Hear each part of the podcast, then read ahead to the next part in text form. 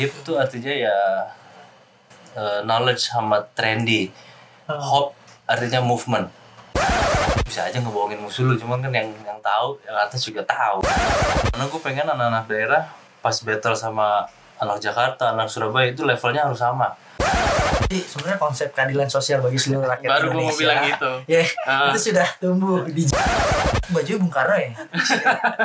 dalamnya Oh. tatonya 2009 tuh eranya toko-toko lokal ngebawa Supreme. Tapi kita kurang paham sama roots yang lain. Jadi kita nggak mau ngebohongin orang juga. Dengan Jakarta versus Everybody maksudnya gue pengen mancing anak-anak juga. Lu bikin aja Surabaya versus Everybody. Kalau anak hip hop anak b-boy lu ke mana pun lo pergi lu harus represent Kotanya. kota lu. Pancasila itu bisa tumbuh muncul dari nilai-nilai yang ada di hip hop sih kultur hip hopnya di sini jadi gue mulai battle battlein brand lain. Assalamualaikum. Konnichiwa. Bonjour. Ciao. Halo. Ya kita balik lagi balik di lagi di Selam. Selam suara, suara anak, anak muda. Iya, ya masih bersama Gila Karbil terus. Dan Abram Flip. Ya yeah. tapi kali ini kita akan sedikit nggak sih nggak sedikit banyak malah. Harus banyak. Uh -uh karena kita udah langsung ke circle satunya nih. Wow. Eh, langsung akan bicara banyak soal hip hop. Eh, mungkin basic dasar pengetahuan hip hop kali ini. Wow, gila. mana ada basic eh, pengetahuan kayak sekolah dasar jadinya kalau hip hop. Ada narasumber kita Bian, aka Create. Assalamualaikum Waalaikumsalam. Bi, Ya. thank you banget nih Bi udah ngeluangin waktunya nih buat kita nih. sama-sama Hmm, kita pengen tahu nih, tahu banyak tentang hip hop di Indonesia. Terus mungkin basicnya dulu kali. Jadi hip hop nih orang tahu hip hop itu sebenarnya harus tahu apa dulu sih. Jadi hip hop nih apa gitu bi. Harus tahu cara mabok dengan benar. Oke. Enggak deh, enggak, enggak. Oke, karena Enggak kasar kasarnya kasarnya karena emang kulturnya lahirnya ya dari party. Dulu tuh sebenarnya ada DJ pertama dia imigran dari Jamaika. Hmm, namanya DJ Cool Herc. Cool Heart.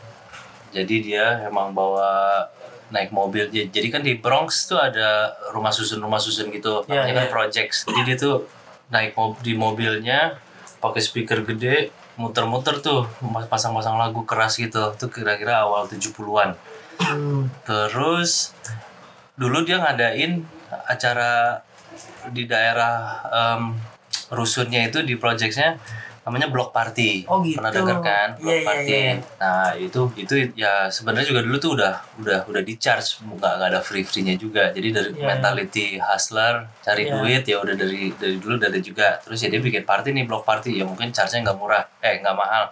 Ya. ya orang-orang pada datang ke sana pada datang ke sana. Awalnya juga maininnya funk sama breaks juga funk Yeah. sama soul gitu. Nah terus kira-kira tahun 73an ada yang namanya Afrika Bambata pernah denger nggak Waduh, gue jujur belum Belum sih. ada Belum sih. pokoknya ini ada Afrika namanya Bambata. Afrika Bambata jadi dulu kan di New York Itu di New York tuh. di New York Tapi dia menyuarakan maksudnya perlawanan juga ya maksudnya namanya itu Afrika Bambata. nah tuh dia ya tunggu dulu Oke, nama sorry, sorry. itu nama itu dia pokoknya di dulu tuh di New York New York kan ada Queens ada Harlem ada Bronx ada Brooklyn Iya. nah itu di setiap di setiap di setiap kota-kota bagian kota-kota itu itu. ada geng kan Iya. ada kan kasar banget lah dulu Iya. tuh udah violent banget kasar banget ada geng nah terus ini si Afrika Pembata ini ke Afrika Oke.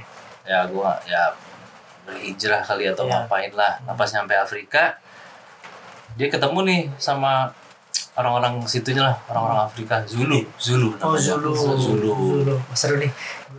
terus Temu tuh di, di Kemu Tombo ketemu di situ nih. bukan Oh, bukan. manut bol manut bol Terus dia ngobrol tuh sama situ sama orang-orang Afrika sama orang Zulunya Oh, bilang Zulu. wah kalau kita sih di New York kita berantem nih selalu selalu tawuran lah ibaratnya. Ya, ya. antara kota-kota area-area. Terus kata orang Afrika lu ngapain? Satu negara perang-perang mulu tawuran-tawuran mulu. Oh, ngeri. kita di sini lawan orang-orang negara lain gitu. Oh jadi udah nih. Oh kebuka juga kan. Kebuka pikirannya dia ya udah dia balik ke New York. Balik ke New York ganti namanya jadi Afrika Bambata. Nah di situ di ya dia lumayan ketua gangster lah bisa Iya, iya, dibilang. iya, iya. dari situ dia ngebikin satu organisasi namanya Zulu Nation. Oh bukan Zulu Zulu King tuh? Zulu Kings di bawahnya Zulu Nation. Oke. Ini Zulu Nation yang hip hopnya. Ya ya. Jadi di, di bawahnya Zulu Nation ada Zulu Kings untuk b-boysnya, Ah. Zulu Queens untuk b-girlsnya. Oke. Gitu. Cuman kalau untuk Zulu Nationnya akhirnya dibikin Zulu Nation dia gabungin nih semuanya geng-geng dari dari uh, Harlem, Brooklyn, Bronx itu. Terus bilang yaudah nih dari sekarang kita nggak usah tawuran-tawuran lagi deh, kita bergabung. Namanya Zulu Nation. Oh ya Oh, udah gitu. jadi semuanya dengerin, semuanya dengerin, semua ngikutin dan di di waktu yang sama juga itu udah ada ya udah ada nge-rap nge-rap kan juga sebenarnya kalau mau di throwback throwback kedua Iya. ya ya ibaratnya nyanyi nyanyi lah Iya, di di kultur apa pun udah ada itu kan Ah, dari ah. tahun jebot Ya. terus tahun 70-an juga udah mulai graffiti Tuh. udah mulai b-boy ya kalau b-boy lahirnya tuh di blok partinya DJ Cool Herc Hmm. jadi ya ya ya ibaratnya orang-orang mabok kan itu pasti minum kan pada Iya. mabok-mabok pada joget-joget akhirnya ada beberapa orang yang terinspirasi sama splitnya James Brown ya ya ya tahu lah Dah. semua orang. nah Ah. dia turun oh jadi wah turun nih dari joget atas atas kok bisa turun ya udah pas turun ya adalah Ya, explore b-boys bawah. b-boys yang first generationnya Ya. Mereka mau mulai bikin ya basic sama foundation untuk b-boy. Iya, mulai dinama-namain yang mulai Genre yang mulai baru lah. berevolusi. Ya terusnya ada empat ada empat elemen ini nih. Terus kata si Afrika Bambata ya udah deh gue namain kultur ini hip hop hip tuh artinya ya eh, knowledge sama trendy. Ah. hop artinya movement jadi trendy movement kayak begitu Nah, Oke. bisa juga ya knowledge movement gitu-gitu setahu gua culture-nya begitu itu tahun 73 Dam. ya 73 Soalnya kan kita pengen nih semua pendengar nih juga ngerti bi. Soalnya kan ada juga kan yang yang sempat bilang eh, kultur hip hop tuh sebenarnya tumbuh di tahun 80 lah. Terus dia sebutin ya ya nama-namanya juga ya kulit banget gitu. Jadi ya kita pengen semua juga bisa runut gitu. Iya. Jadi kan kalau misalnya nyundul eventnya eh, kakak Rabib di Bandung kan back to the roots. Nah, Iya. ini bener-bener back to the roots-nya roots. diurut gitu. gitu. ya ya ya ya, ya. Iya. Nah, terus dari situ bi gimana caranya seorang Bian tuh gue gue hip hop banget nih tumbuh karena apa lu di di di lingkungan itu apa gimana bi? Kalau hip hop banget karena waktu SD gue tuh umur satu umur dua eh umur kelas 1 kelas 2 tuh di Bandung. Gue emang lahir di Bandung. Nah sepupu gue yang partner urban ini dia dia lima tahun lebih tua dari gue Iya ya. itu setiap kali jadi kalau gue masih kelas 1 dia tuh udah kelas, Kelas 6 6, kelas 6, ah. setiap kali gua, dia pulang sekolah ya kan gue aduh, udah nyampe duluan. Itu dia selalu nge-break. Serius? sama sama teman-teman ya iya dia ya nge-breaknya gitulah Iya, iya, tahu. dia wih turun-turun apaan nih keren banget kan Iya. ya, gue udah tertarik tertarik cuman ya kelas 1 2 belum terlalu pengen mendalami lah belum oh ya udah ini keren nih pengen sih pengen belajar cuman udah hilang hilang Hmm. habis itu habis itu gue eh, setelah SD SMP satu keluarga gue pindah ke Amrik Ah, ah. itu masih masih main basket banget deh Ta- Iya, iya. kelas 5 sampai Terus langsung datang SMP. Iya. datang Ya, Oke. Nah, main basket, main basket, akhirnya ya itu kan ya di Amerika kan basket udah olahraganya orang-orang berkulit Iya, hitam lah ya. iya, iya, Jadi iya. gue dalamin satu tahun, dua tahun. Kok bilang, gue bilang ini kok yang kecil-kecil lebih jago dari gue ya? Gue bilang Iya, iya. yang tinggi-tinggi orang gue Iya. SMA, SMA main game SMA udah ditomok-tomokin nih dari kalah kalah 50 poin, kalah 70 poin. Mungkin ini bukan buat gua Oke. olahraganya. Oh lu pada saat itu berpikir kritis tuh ya kritis Karena ya, karena anak-anak SMP satu itu udah terbentuk Jago. gitu muter oh iya gila. Udah gitu tahun 97 gua masih inget gua lagi jalan-jalan ke mall, gua ngeliat ada inilah ada gerombol gerombolan anak-anak BG yang lebih tua dari gue juga ngebreak tuh dia tuh Iya. di tengah-tengah mallnya oh gue bilang keren banget terus yang lebih kerennya lagi ini semua rasnya beda nih jadi ada yang Latin ada yang Asia ada yang bule sama ada yang negro gue bilang wih ini kok keren banget ya kultur apa nih bisa Tapi gue lucu juga. Ternyata lu bi ngelihatnya di mall.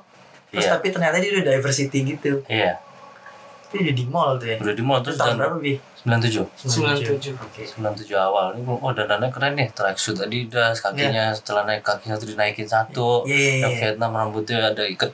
Wah, keren banget. Negronya juga jago banget headspin gue bilang ya udah deh gue pengen coba pelajari ini. Dan waktu 97 itu lagi naik-naiknya juga ini hip hop music video video-video klip yang ada b-boys b-boysnya. Iya, sure. kayak itu Randy MC Just Like That. Iya, iya, iya. ada Eric Sherman sama Redman itu ada Crazy Legs-nya juga di situ ya bukan karena sebelumnya 97 ke bawah masih underground banget tuh masih susah banget nggak kayak expose lah Iya, iya, iya. Cuma ini mulai muncul lagi nih ke di TV di TV dulu zaman zamannya VHS masih gue rekam aja tuh rekam Oke. pakai VHS TV Iya. direkam pakai VHS ya at least belajarin gaya-gaya yang ada di situ Yang ada dulu di video Ya. itu.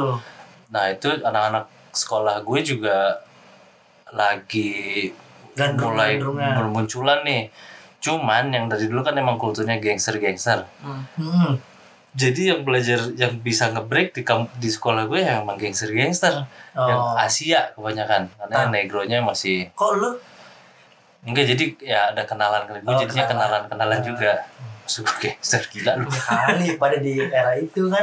Siapa tahu. Paling Ya, akhirnya- lu macarin siapa gitu si duduk Enggak. semua berani sama lu. Berani. pokoknya ada satu kelas dulu yang berapa tahun eh satu ya jadi tuh di sana ada satu kelas eh satu tahun ada Ya. satu kelas yang lo harus datang itu sama terus kan kalau di sana kan lo pindah kelas pindah kelas Ya, itu ya, kan ini ada home home-nya lah Ah. nah di situ ada si si gangster itu tuh Hmm. namanya sumo gue masih ingat orangnya rada gebuk dikit cuman Ya. dia bisa windmill gitu gitu bisa flare ya udah gue tempelin aja. Akhirnya Ya. bisa belajar bisa belajar belajar banyak. Dari situ ya gue lebih mendalami lagi. Seru nih kalau clickbait. Ternyata Bian belajar juga pertama kali sama sumo. Sumo. orang Vietnam. Dia pindah dari Alaska. Emang emang emang gangster juga. Wah gila sih itu. nah udah mendalami mendalami itu ya udah dari situ dari situ gue lebih mendalami aja sih. Dan sampai sekarang sampai sekarang masih cinta dengan Nah. kultur ini Iya dong. Pastilah. Nggak mungkin orang begitu pengen tahu hip hop tuh pasti nama lu tuh pasti udah terbayangkan di dalam kata hip hop di Indonesia Masa sih. Iyalah. Cuman cuman di cuman di komen-komen YouTube aja yang di komen YouTube diserang mulu ya itu karena dia lahirnya sekarang. Makanya Iya. ini kan kan upaya nih, upaya menjawab juga sebenarnya. Tapi pas lu datang ke sini terus kan pasti kan karena lo mencintai hip hop itu sendiri terus kan lu ngeliat sebenarnya di sini kulturnya kayak apa sih? Terus kan lu juga pengen apa sih mengekspresikan gerak lo juga kan? Terus Hmm. ini tuh siapa sih yang paling jago? Atau kayak gini ya lu pas datang ke Indonesia tuh kan lu gak pengen berhenti jadi orang yang baru gitu kan? Datang ke Indonesia pasti kan lu tetap mau nge-break dance waktu Oh iya, pertama masih. kali kan? Nah tuh lu Lu waktu balik ke sini masih Iya. emang masih aktif juga kan? Ah, ah. Lu masih umur. Nah lu ngeliat di sini dulu kayak gimana bi? Pas lu Dulu baru, baru pulang. sebelum balik sini tuh masih 2003 eh, era-eranya internet masih baru kan? Masih Iya. dial up dial Iya. up. Kalau connect masih harus gitu. Telkomnet instan lah. Ah, 0809 nah gitu. 1004 kali lah itu. Terus ada nih temen gue dari dari Amerika juga yang sebulan sebelum gue pindah dia udah pindah duluan. Oh. Dia lumayan suka sama hip hop suka sama bebo dulu pernah ngebreak. Jadi Ah. jadi ya dialah mata-mata gue tuh nyampe sini. Oke oke. Dia dia kata kata dia ada nih anak-anak Senayan Breakers ada anak Jakarta Breakers. Cuman pas gue lihat di internet masih kurang lengkap lah dulu. Hmm. apa foto-fotonya dokumentasinya pas nyampe sini jadi lu uh, Senayan Senayan Breakers tuh udah ada sebelum datang? Breakers sudah ada karena Senayan Breakers 97 Oke. uh, mulainya sama Jabrik juga 97 oke. Udah udah berjalan lima tahun mereka. Pas ke sini emang ternyata yang bales komen di Facebook dulu anak-anak Senayan Breaker. Oh. Jadi gue ngumpulnya sama mereka nongkrongnya sama mereka. Terus ya gue tanya-tanya yang jago paling jagonya siapa kata mereka ya Jakarta Breakin tapi pas lu datang ke Senayan Break Breaker hmm. Senayan Breaker ya? Hmm. itu lu uh, karena dia yang nulis Karena jawab dia yang bales aja karena- sih. uh, kalau misalnya lebih banyak yang balas paling gue udah nyamperin ya bersosialisasi sama semuanya. Cuman pintu gue ke komunitas b-boy dulu cuman Snidebreaker Tapi lu ngelihat Snine Breaker tuh be- eh, apakah sama sama teman-teman lu waktu pas di Amerika? levelnya level Ya, level level sih ya hip hop level sih ya udah lah ya, kita tahu lah ya.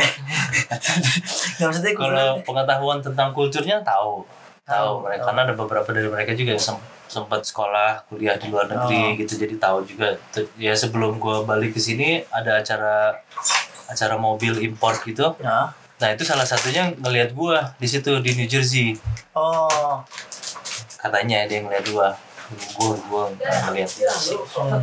gila lu di mana-mana ya, Bi.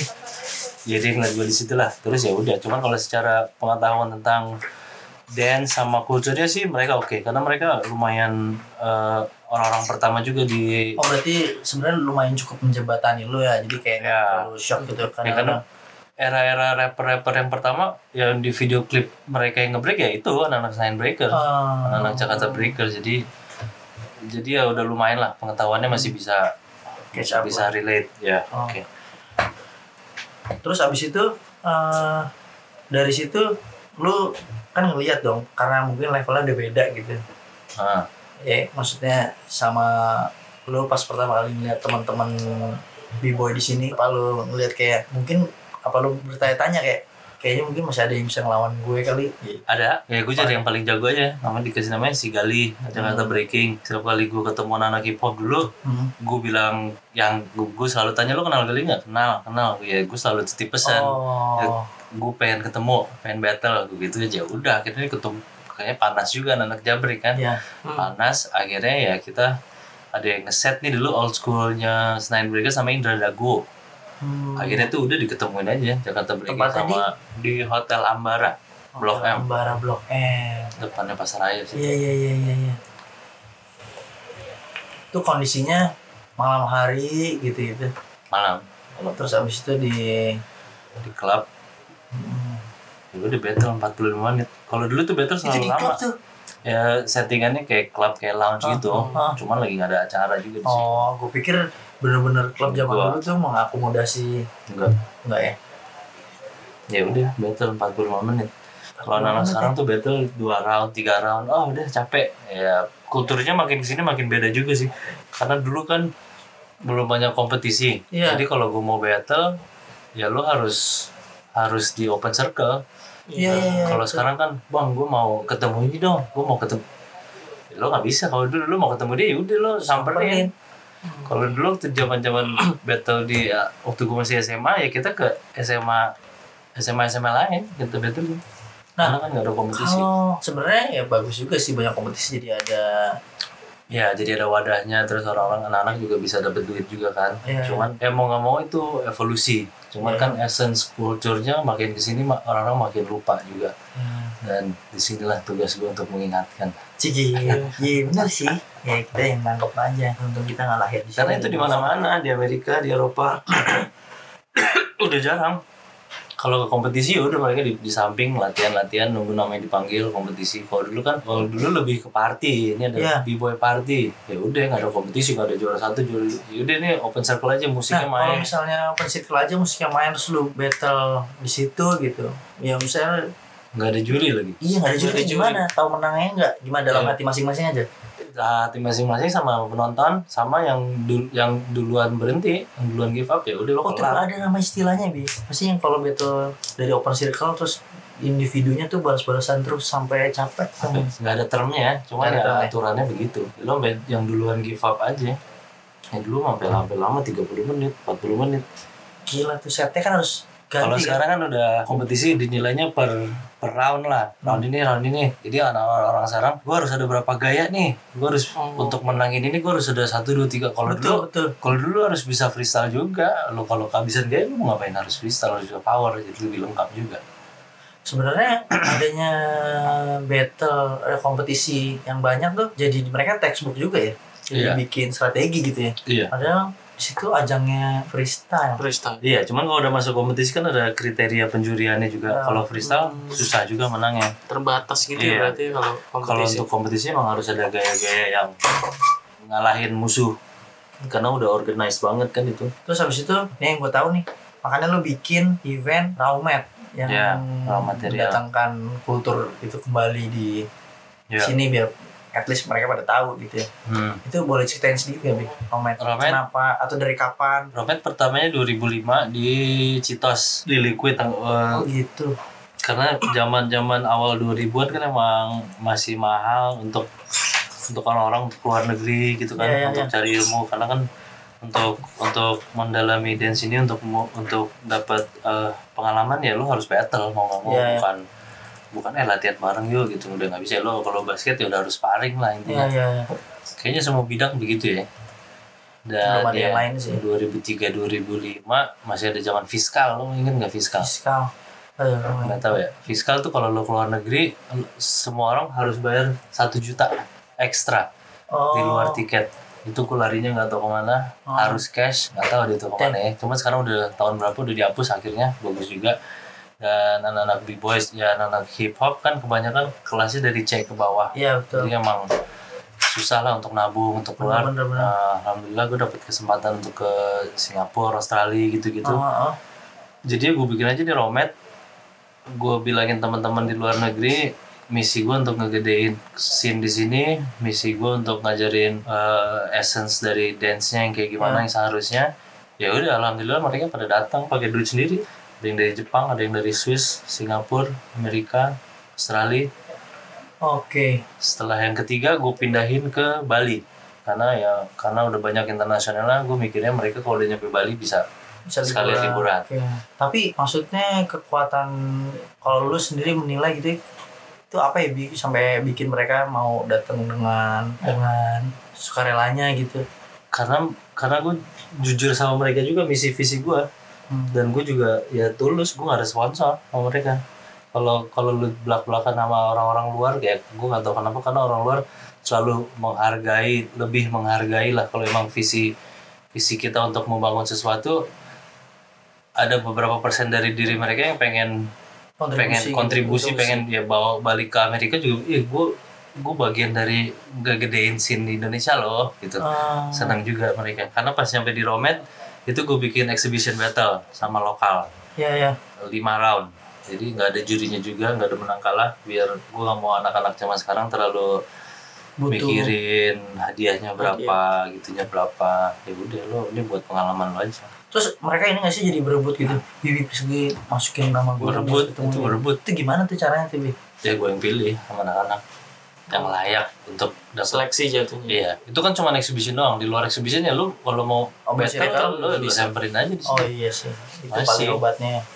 Iya. Cuma kan kalau lagi yang dipilih sama lu plus satu udah dipilih sama Bian Hmm. dan kawan-kawan itu kan udah dada busung lah dada busung Iya. sebentar sebentar Dada busung sampai ketemu yang internasional. nah nah jelas turun lagi dadanya Enggak lah kan mental mental juara ya kan juara party gitu Party juga di situ. Kita selalu ngadainnya di klub.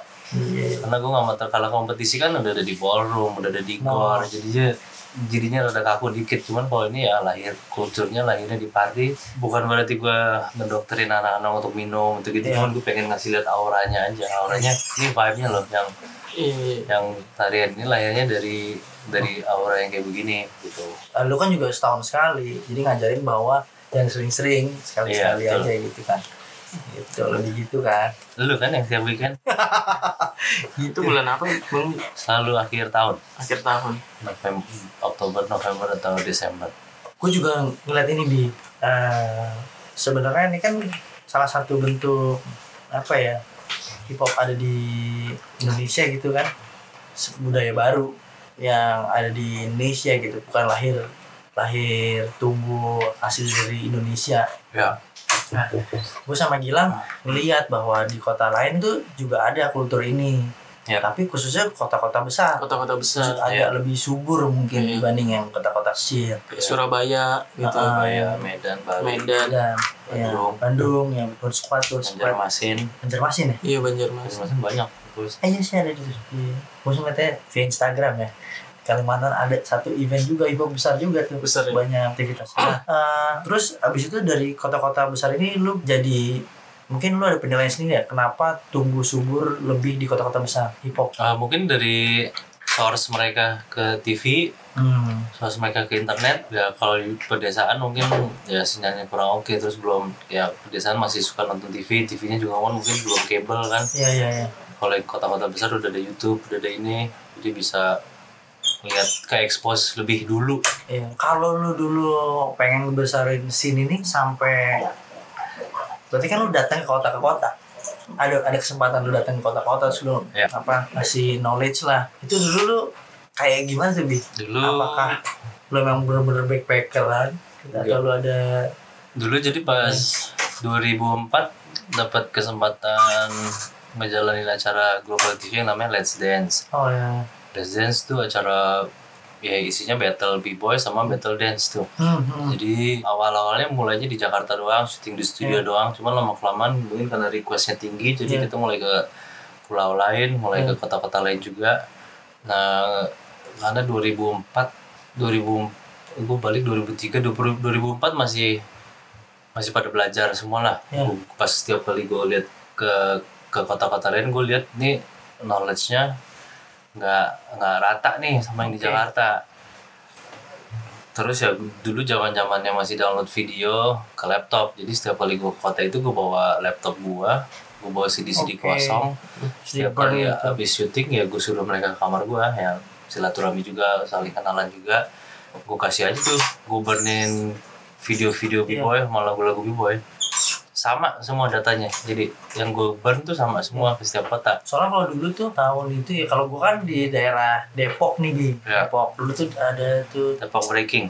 iya mungkin ya Jamsit Jamsit Sweet Jamsit. Nah itu tuh bisa ribut karena perkara simpen simpenan CD. ya Jadi kalau ke ke lokasi itu udah mau perang rasanya gitu. Iya. Padahal kan di Jakarta juga itu oh gitu. di Jakarta juga masih dulu kayak gitu takutnya lebih banyak lebih banyak terekspos sama source source lebih banyak bakal bikin mereka lebih jago padahal kan balik ke masing-masing ya Iya, mau belajar. lu ngelihat Helos di satu video kalau lu nggak bisa ya gimana Iya sih sama gitu ya nontonnya YouTube aja kan. Berasa YouTube. udah wah udah keren. jago terus Mm-mm. tapi pas praktekin Praktekin.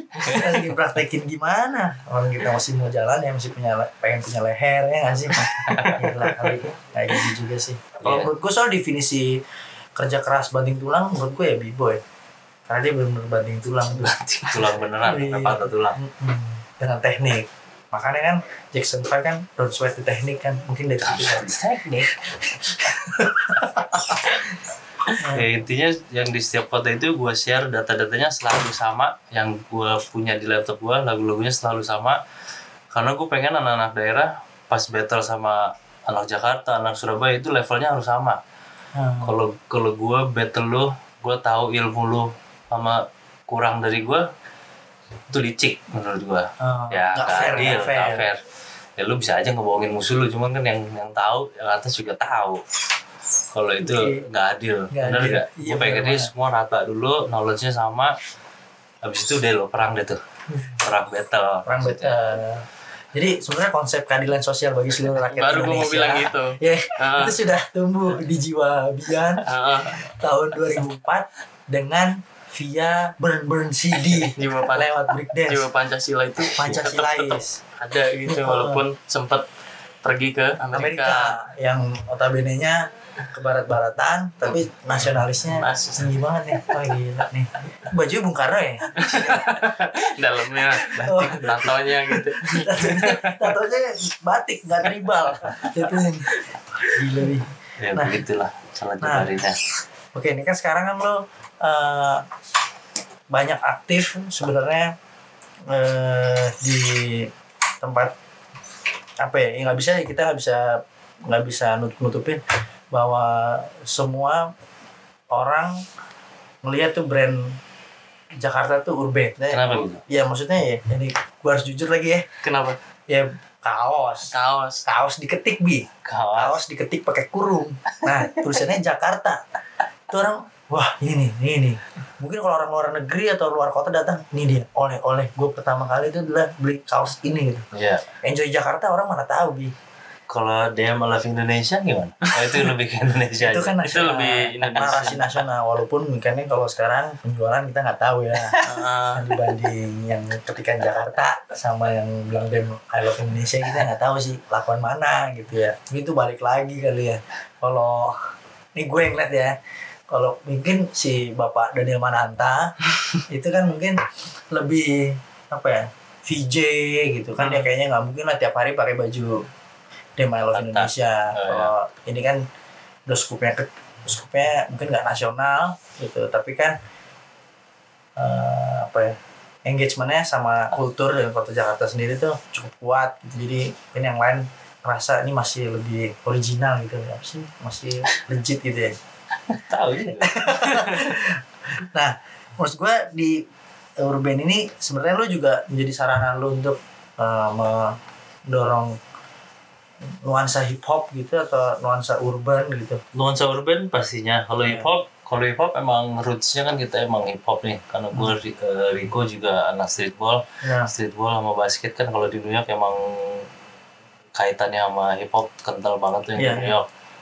Terus pupu gue juga si Adri kan emang dulu kan rap. Dia di, di, di, di pesta rap juga tuh. Cuman emang gak ngelanjutin. Mas Adri itu di mana mana ya? Iya Iya, rap nakal juga terus abis itu eh, ternyata waktu SD dia b-boy juga Iya. gitu. Itu panutan dulu apa ya krunya bi? Nggak ada dia nggak oh, ada nggak ada kru. Cuman main-main. Cuman kalau hip hop hip hop sebatas sebatas roots roots brandnya nggak nggak bisa dihindari lah orang-orang kayaknya udah tahu juga rootsnya hip hop cuman secara desain emang pertama-tama mulai emang lebih ke hip hop lebih ke streetwear. Iya. karena tujuan kita bikin brand ini juga jam 2009 tuh eranya toko-toko lokal ngebawa Supreme, bawa Alive, bawa bawa brand-brand luar ke oh sini. oke oke Cuman kan kaosnya lima ratus ribu, empat ratus ribu. betul Karena gue juga bingung juga nih orang-orang tolol apa gimana ya? Gak tahu anak-anak street, Iya, iya. streetwear, anak-anak streetwear. Streetwear. Itu kan pasti C ke bawah Ah, B ya yang yang A B A B-nya kan masih dikit juga. Jadi kita pengen bikin brand lokal, cuman kita kasih taste taste taste taste taste brand-brand luar lah referensinya. Jadi ya referensinya nggak kayak kayak brand-brand distro yang yang menurut kita kurang oke. hmm, Itu sih. 2009 2009 notabene nya tuh distro sebenarnya juga masih Distro gede itu, banget. gede banget tuh ya zaman-zaman Baru itu Heeh, Nano Nine. band band nasional tuh pasti covernya pakai baju distro Ya, gitu ya. Gambar tujuh masih gede. Gambar Iya, tujuh iya. masih gede sampai sekarang. Nah, kalau itu kan sebenarnya eh, apakah karena memang ada orang-orangnya aja lu Rico terus Mas Adri gitu. Sebenarnya kan bisa aja buat pakai roots yang lain gitu. Tapi lu tetap tapi kita kurang paham sama roots yang lain jadi kita nggak mau ngebohongin orang juga tiba-tiba gue bikin brand skate cuman kita nggak ada yang skater. Oke. tiba-tiba kita bikin brand-brand yang desainer cuman background kita bukan desainer kan jadinya. Jadi kita ngebohongin orang ngebohongin diri yang ketahuan lah yang main di atas. Tah, kalau kita membohongi diri. Wah. dosa lagi. Jadi kita ambil roots yang menurut kita kita ahli di bidangnya ya udah ini gue pengen karena kan menurut gue juga brand-brand gede lain udah skate ya gue juga Iya, iya, sempat rada muak juga tuh. Ini kenapa brand skate doang yang gede? Kok nggak ada Bener, brand b-boy nggak ada brand hip hop Padahal yang apa ya namanya? ya justru Yang- brand-brand skate kalau mau menghasilkan produk yang bagus ngajaknya hip hop hip hop juga. Kayak Supreme yang kaos yang foto portrait portrait ya orang-orang orang- Wu-Tang, orang-orang iya. itu. Walaupun ada orang-orang dari bidang lain cuman kalau nge-grab hip hop dikit ya naik. Benar-benar. lumayan oke. Nah, Bi kalau misalnya nih, kan gue juga ngeliat nih pergerakan lu nih si Urban nih, eh apa namanya buka juga di Bali. iya. Nah itu kan sebenarnya kan Bali kita ngeliat juga kota besar. Kota besar. Yang tumbuh sangat besar. hip hopnya maksudnya. ya hip hop juga oke. Terus eh lu juga ngeliat gak sih kalau misalnya kota-kota lain gitu kayak kan Surabaya cukup besar, Surabaya oke. Terus habis itu Medan. Medan oke. Nah itu akan jadi kemungkinan urbanisasi nggak sih itu jadi ada? Kalau kota lain kayaknya belum. Cuman sebelum kita rilis Bali juga kita itu udah mikirin dua tahun sebelum kali setahun sebelum. Karena emang kita dapat DM DM banyak juga bilang bang bikin Semarang dong bang bikin Jogja. Maksud maksud kita dengan bikin Jakarta gue pengen menginspirasi anak-anak yang luar negeri ya bikin versi lu sendiri. Jangan jangan kita yang bikin juga. Kita pasti kecapean juga karena gue pengen fokus di Jakarta. Karena image kita anak-anak Jakarta juga. Iya, cuman ya em, dengan Jakarta versus everybody maksudnya gue pengen mancing anak-anak juga. Lu bikin aja Surabaya versus everybody. Kan itu sebenarnya kalau dari kita sendiri sih nggak apa-apa. Kita nggak bakal ngapa-ngapain. Toh kita juga dapetnya dari Detroit versus everybody kan? Iya iya iya. Sampai Detroitnya pun kirim email kita bilang mau kirim surat tuntutan. Serius? tapi, iya? tapi nggak ada nggak nyampe nyampe dan yang Jakarta versus everybody udah kita patenin di sini. Mereka nggak bakal bisa masuk ke sini. Mereka trademark copyrightnya hanya di Amerika. Nah sebelumnya udah ada Toronto versus everybody. Mereka mau tuntut juga nggak bisa karena Toronto di Kanada. Udah beda negara nggak berlaku. Nggak berlaku. Nggak berlaku. Cuman Tapi kalau- kalau kan itu juga represent kota ma- masing-masing. ya. Masing-masing. Iya. Kecuali lu di sini dagang Detroit Iya, pribadi baru benar. mungkin ngapain juga gue dagang Detroit kan kan ya. Emang siapanya Eminem? cuman belum kepancing mungkin anak-anak dari kota lain ngerasa terlalu takut bakal kita kita serang kali ya cuman kalau dari kita sendiri ya udah lu, lu mau pakai font sendiri mau pakai ada sampingnya ada strip versusnya Oh. Ya pakai lo harus represent kota lu kalau kita mikirnya kan karena roots kita hip hop kalau anak hip hop anak b-boy lo ke mana pun lo pergi lo harus represent Kotanya. kota lu nama lu sama kru lu kita sebagai rootsnya kita di situ. Ya udah nih kita di Jakarta gue pengen kasih tahu nih gue dari Mungkin lu Jakarta terlalu serem kali bi. apanya nih mukanya ya Eh enggak, maksudnya narasinya. Jadi kota-kota Di lain mana? Di mana seremnya? Iya. Di Eh, di eh, Di hutan, eh, kan? Enggak, narasinya itu terlalu seram. Jadi kota-kota lain tuh mungkin Enggak tapi anak-anak Lombok bikin Lombok Finance, Lombok versus Everybody Semarang juga sempat bikin Semarang Most Wanted Kalau dari gue sih senang-senang aja ngeliat lo, lo ada yang bergerak nih Ada Berarti yang ada- pengen ada- represent kota lo gitu Iya. Berarti kalau di- ditarik di callback nih, ada hope-nya, ada Ada movement. Nah, Buat jadi ini ada trending movement-nya nih, Kayaknya miss aja mereka ada hip hop-nya nih. Eh, iya sih, mungkin misalnya. Mungkin kulturnya di Indonesia kan eh, apa sopan gitu. Tapi kan sopan belum tentu belum tentu harus jadi nunduk terus gitu kan. Tapi Betul. harus bersuara juga, Iya mesti ngelawan juga. betul ya kan? dijajah terus Nah, tuh gitu. Soekarno nggak mau dijajah nih Mana mau lah. Lihat ini si Bian nasionalisnya. Iya. Nasionalis terus Soekarno, ke gue Soekarno banget terus enggak tadi udah bilang kalau gue bikinnya eh, bohongan berarti gue bohongin diri sendiri. Kalau bohongin diri sendiri dosa dong enggak. Yang paling tahu yang di atas, kan dari Tuhan yang Maha Esa. Sila satu udah ada di sini. Ini tinggal kita bedah kedua. Iya dua, tiga, ada empat. empat. Abis itu kita tutup ya. Gila nih, gue baru paham nih. Bi- Biasanya Pancasila itu nggak mun- ya, munculnya di implementasinya UUD 45 gitu kan di sekolah-sekolah PPKN nah ini gue bangga juga nih ternyata Pancasila itu bisa tumbuh muncul dari nilai-nilai yang ada di hip hop sih khususnya b-boy. Ya karena mungkin karena kita rootsnya hip hop juga kan kalau hip hop kan battle ya. Ya. Sampai streetball juga freestyle udah battle juga. Iya. jadi jadi kultur battle tuh udah kental banget. Jadi pas pas gue udah mulai mulai badan gak kuat nge-break gue udah Iya. mulai menekuni brand ini Iya. gue tetap aplikasiin kultur hip hopnya di sini jadi gue mulai battle battlein brand lain jadi gue sempat dibenci juga tuh di oke yang ini karena buat gue orang sini kan ngapain sih nyenggol nyenggol ya udah lu Iya. fokus aja kalau buat gue motivasinya gue harus ada target jadi Iya. dulu gue bikin Iya. karena dulu pas waktu brand ini mulai gue nyamperin semua toko yang ada di Panglima Polim gue ditolak-tolakin yang di Kemang gue ditai-taiin serius sama gue buka booth di ini situ dulu nih ini awal waktu saat lo 2010. produksi di garasi Iya, masih di garasi. Ya kan produknya masih 5, 4. tapi kan langsung habis juga bi Kan mereka nggak tahu. oh iya iya Mereka kiranya ini apaan sih? Brand kecil gitu-gitu aja. Yang sempet itu Iya, jadi- ditolak gitu.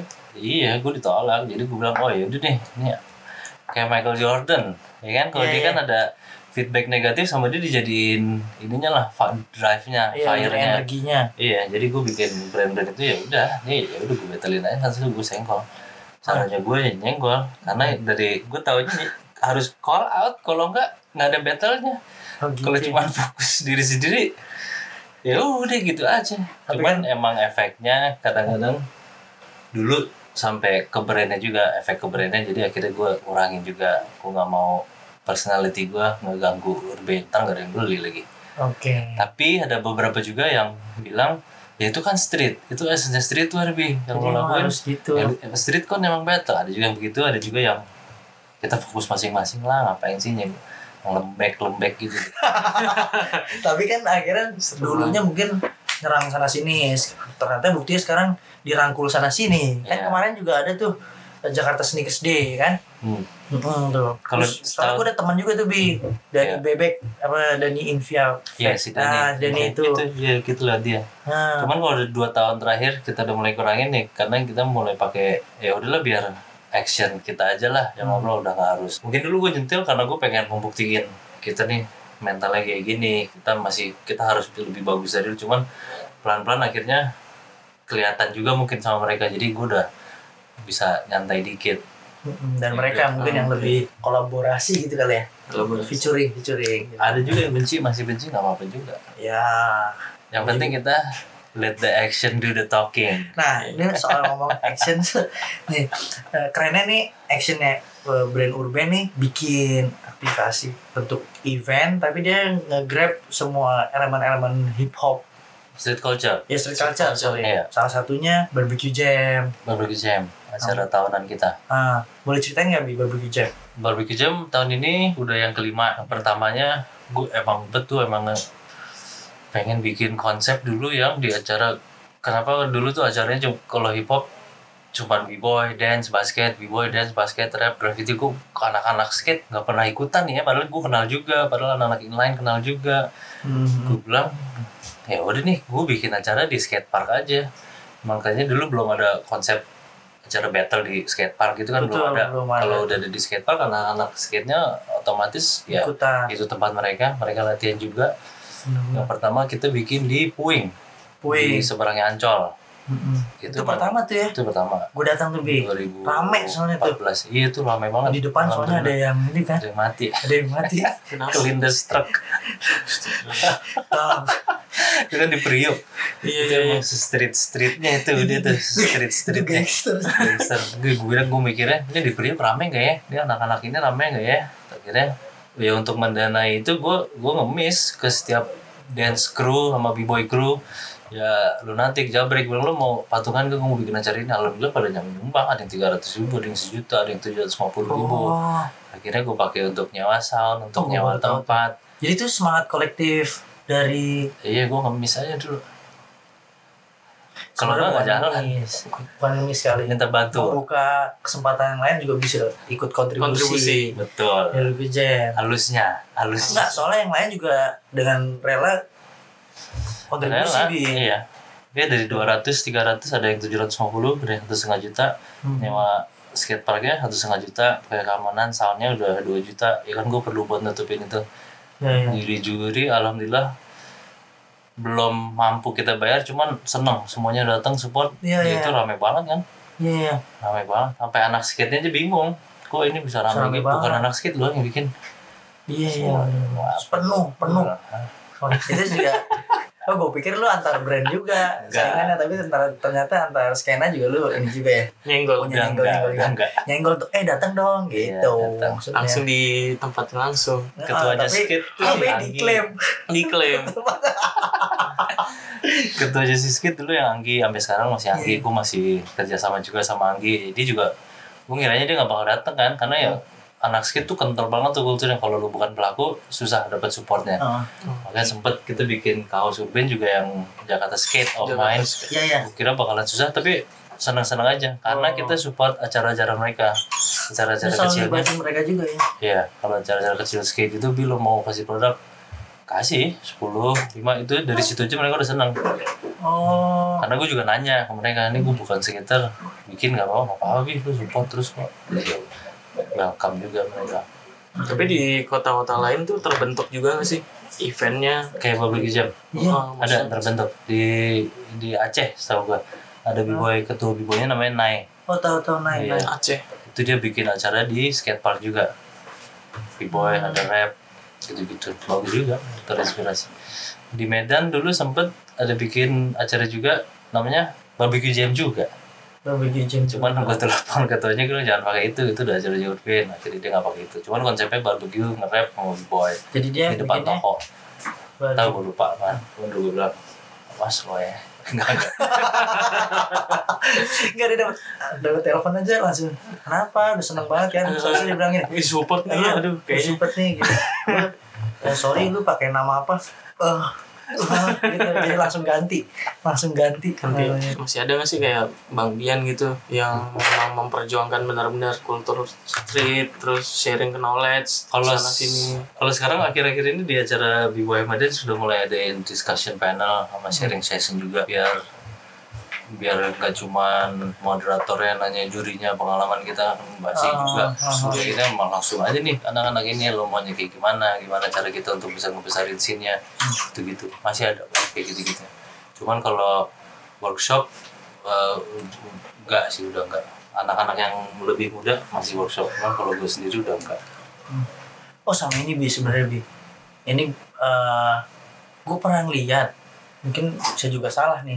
Jadi kemarin tuh sempat ada yang mau bikin buku history B-boy. ya Itu siapa ya bi? namanya Indra dari Nah itu Batam ke mana ya? tahu Kan juga ada ke sini kan? Pernah Ke sini ke sini, ya. terus habis itu eh, Bawa ngasih lihat daminya ngasih ke lu. daminya Oh, itu untuk tugas akhir itu dia Hmm. Tapi Cuman- menurut lo bukunya oke nggak bi?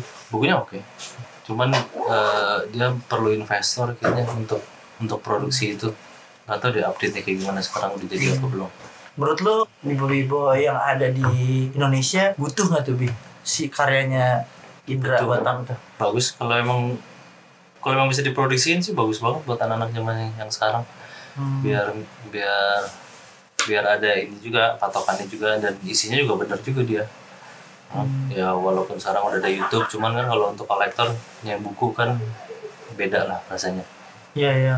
Jadi dia cerita tentang b-boy di di luar sama di sini sama di sini terus dari tahun ke tahun gitu. ya Oh, Batam. tapi orangnya nggak di Jakarta ya, Bi? di Batam Ya, jauh lagi. cuman ada tuh di Instagram ntar gue cek Bi, jadi mungkin terakhir sebagai penutup kali ya. Eh, untuk seluruh penggiat yang cinta hip hop, b-boy atau segala macamnya lu mau bilang apa ke mereka, Bi?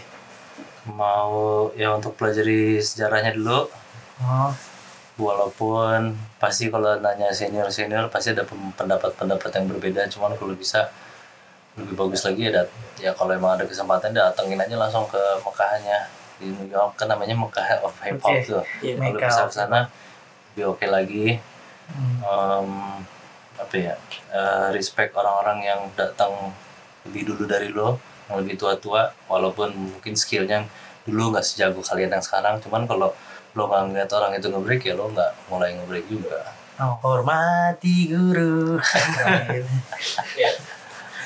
begitu aja. Melihat skena apa b-boy di Indonesia tahun ini atau ke depannya tuh gimana bang? Eh, du- kalau b-boy justru setahun terakhir ada ada menurun nih. Mungkin karena projemnya nggak jalan lagi tuh sayang banget. Oh, karena projem bagusnya tuh mereka ke daerah cuman ke daerahnya tuh ke kota-kota yang kecil banget nih. Misalnya lu ke, ke Surabaya pun bisa ke Madura bisa ke Jember. Jadi nggak cuman yang di kota besarnya. Nah itu ngasih ngasih semangat dan ngasih wadah juga untuk anak-anak baru yang sekarang nih. Gue ada platform nih gue bisa perform di situ gue bisa menghasilkan duit di situ. Ini sebenarnya kayak Gatsby jilid 2 gak sih buat lu, Bi? Si projem itu? Karena lu bisa keliling lagi, terus lu bisa bersentuhan langsung sama mereka-mereka. iya langsung.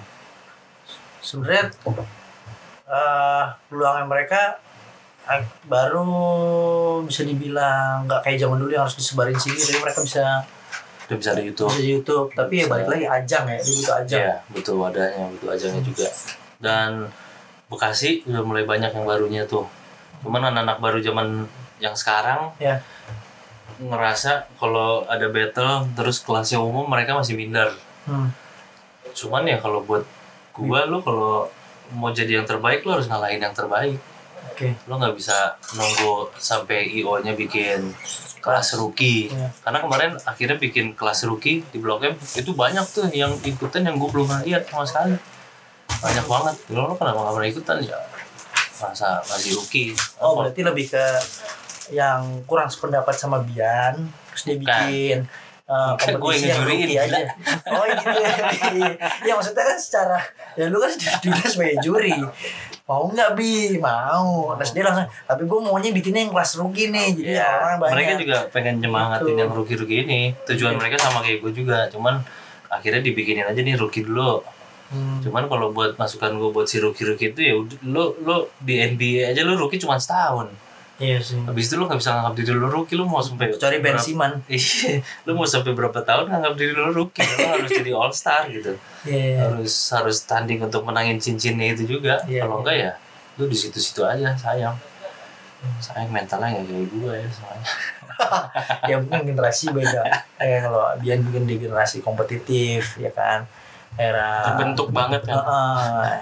Era orde baru ya kan yang semua tuh ya 97 Nah, 97. itu harus semangat itu harus semangat kompetitif. Kompetitif. Sekarang kan lebih yang kolaborasi featuring bikin video upload YouTube. Gak ada yang saingan sekarang ya. nggak ada saingan. Jadi gapnya berbeda gitu. Hmm, generasi beda dan mudah-mudahan karena sekarang kasih tahu rootsnya kayak apa mereka tetap semangat buat ikut kompetitif. Atau nggak di kompetisinya ikutan lah ya bikin battle gitu ya iya Ya ikutan battle aja. Menang gak menangnya kan urusan nanti. Kayak orang ngajakin lu ribut aja dulu. Menang gak menangnya nanti kan. iya mana tahu ya Masa lu diajakin ribut, eh gue menang gak ya? Gue menang gak ya? Ya udah sih, pukul dulu aja. menang gak menang, ada yang ngatur. Kalau kalah ya tinggal latihan lagi. iya benar-benar Latihan lagi lu samperin lagi tuh round dua. Conor McGregor aja bisa gitu. jilid jilid dua jilid tiga Jilid ya. Iyalah. Silva Sonen aja sampai jilid tiga Iya. Mm-mm, padahal kalah mulu tapi kalau sekarang ngelihat generasi itu misalnya battle kalah terus Ada yang nangis. nangis gitu ya Eh, ya yang Terus? lebih yang muda-muda dulu se- sempet nangis. Gue sih dulu battle nangis pas menang. Karena terharu. Ini kok. Kok kalah jadi nangis? Gue bilang gue kalah sih kesel ya. Ini kalah jadi sedih ya beda beda udah beda aja sih. Banyak yang bergeser gitu geser kenal bahkan sampai ekspresi aja. salah kiblat dah salah kiblat. Kiblatnya makanya harus kiblatnya satu. Meka kalau Iya. b-boy ya Meka of break dance ya iya jangan nangis lah jangan nangis juga lah. Cup cup cup cup. Jadi bi dalam terdekat nih event apa bi? Barbecue jam? Di? Di Twilo skate skate corner di belakangnya Aksara Kemang. Hmm, Februari 16 kalau bisa datang. Oh, bentar bebas datang tuh bi? Bebas datang. Free. Free? Ini untuk semua orang. Jadi ntar ada b-boy ada dance ada graffiti ada rap ada freestyle basket juga. Hmm. akan diurus sama Mas Abram. Ya gitu. Ada graffiti oke. juga.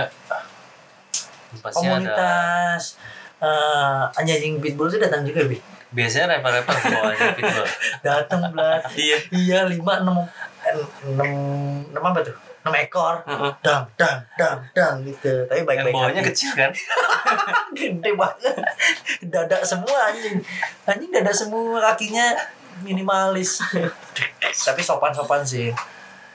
Ya karena kan pitbull juga sering dipakai sama rapper-rapper di luar kan? Emang udah image-nya lo kalau rapper masa bawa golden retriever bawa chihuahua. Jadi ini yang alpha male-nya anjing lu alpha male iya iya iya iya. karena kan kulturnya emang isinya alpha male mulu pasti bentrok. Bentrok. Pasti bersaingan. Itu barbecue jam menurut gue tuh udah kayak gue dulu sebelumnya jujur nggak pernah kepikiran bisa ngumpulin Hmm. datang semua sampai orang-orang yang dari skena lain aja tuh datang merasa keren. Ya Nah. senang. iya senang senang. Kumpul ya tujuan kita kan juga emang biar saling kenal. Ya ya biar ya walaupun gua sekompetitif kompetitifnya gua Mm-mm. kalau kalau untuk membangun sama ya membangun komunitas sih nggak boleh nggak boleh ngancurin sama sesama kalau bisa. Padahal mereka beda-beda tuh ya dari beda sekarang beda nih gue nemu nih sila ketiga. Persatuan Indonesia. Persatuan. nah, itu padahal beda-beda tuh. Padahal di awal tadi Heeh. diversity di Iya, mall. di mall. Asia Vietnam. Nah itu masuk tuh unconditional Bian tuh masuk ternyata secara tidak sadar dia bikin juga Bener. nih wadahnya kayak gini nih. Gue suka banget gitu. Iya. Nih gila nih. Ini urban bukunya ini. Apa? Ini urban apa gedung perintis bukunya penny banget nih. At least digabungin yang street culture dulu lah. Iya iya karena roots gue di situ. Cuman tar-tarnya ada artis mau datang ya itu bonus lah. Belum Mas Bim Bim mau datang itu bonus banget. Oh iya iya intinya core-nya harus dikuatin dulu sebuah brand core-nya harus kuat. Ya kita emang core-nya udah di hip hop sarannya naik naik ojek online kali ya situnya ya Bi. Karena parkirnya karena parkiran masih susah. penuh. Hmm, kalau nggak ojek online ya motor. Cuman Iya. kalau bawa mobil sih selamat. Ya parkir di belakang parkir di samping bisa. Eh, mungkin karena Takabian juga harus udah mesti beraksi di ya udah jam platform yang lain Benar. gitu ya. Di di YouTube channelnya YouTube Urban. channel Urban Inc. Urban. Urban Inc. Nah, tuh di subscribe. Eh jangan jangan di subscribe doang ditonton. Biasa kita nontonnya Oh. di streaming. Kali Iya. ini kita live. Live live, Live. Nah, oh kalian nonton nonton nonton? Boleh nggak sih? Boleh lah. Mulai di jendela. Itu udah ada Waduh. nonton tuh. kakak Kelly. Kelly Purwanto. Nih saya mau party. Ya kita kata hip hop kan party kan akhirnya. Jadi Padahal juga selalu ada kita mau minuman. Kan minum kan bisa putih. Padahal airnya bening Iya. padahal yang air bening nggak selalu air putih. Iya vodka kan? Eh, Gregus. Ya Aduh. gitu. Oke deh. Ini kita tutup dulu. Tutup. Nah, nanti kita kabarin bi kalau udah tayang segala macam. Siap. Atau mungkin ada lanjutan tapi di tempat yang lebih lain tempat yang lain. Nanti kita kita tutup dulu baru kita deal dealan mau apa enggak gitu ya benar. Insya Allah mau dong. Waduh. Kalau buat Abraham siap. Makasih dari- dari Slam. Slam suara laras anak muda. Makasih Iya. banget buat Bang Bi karena udah cerita-cerita tentang kultur b-boy, hip hop dan segala nomor-nomor Pancasila yang sudah diberikan. Iya. Kita pamit. Eh, saya Abram. Episode kali ini. Saya Gilang. dan saya Bian. Assalamualaikum. Assalamualaikum. Thank you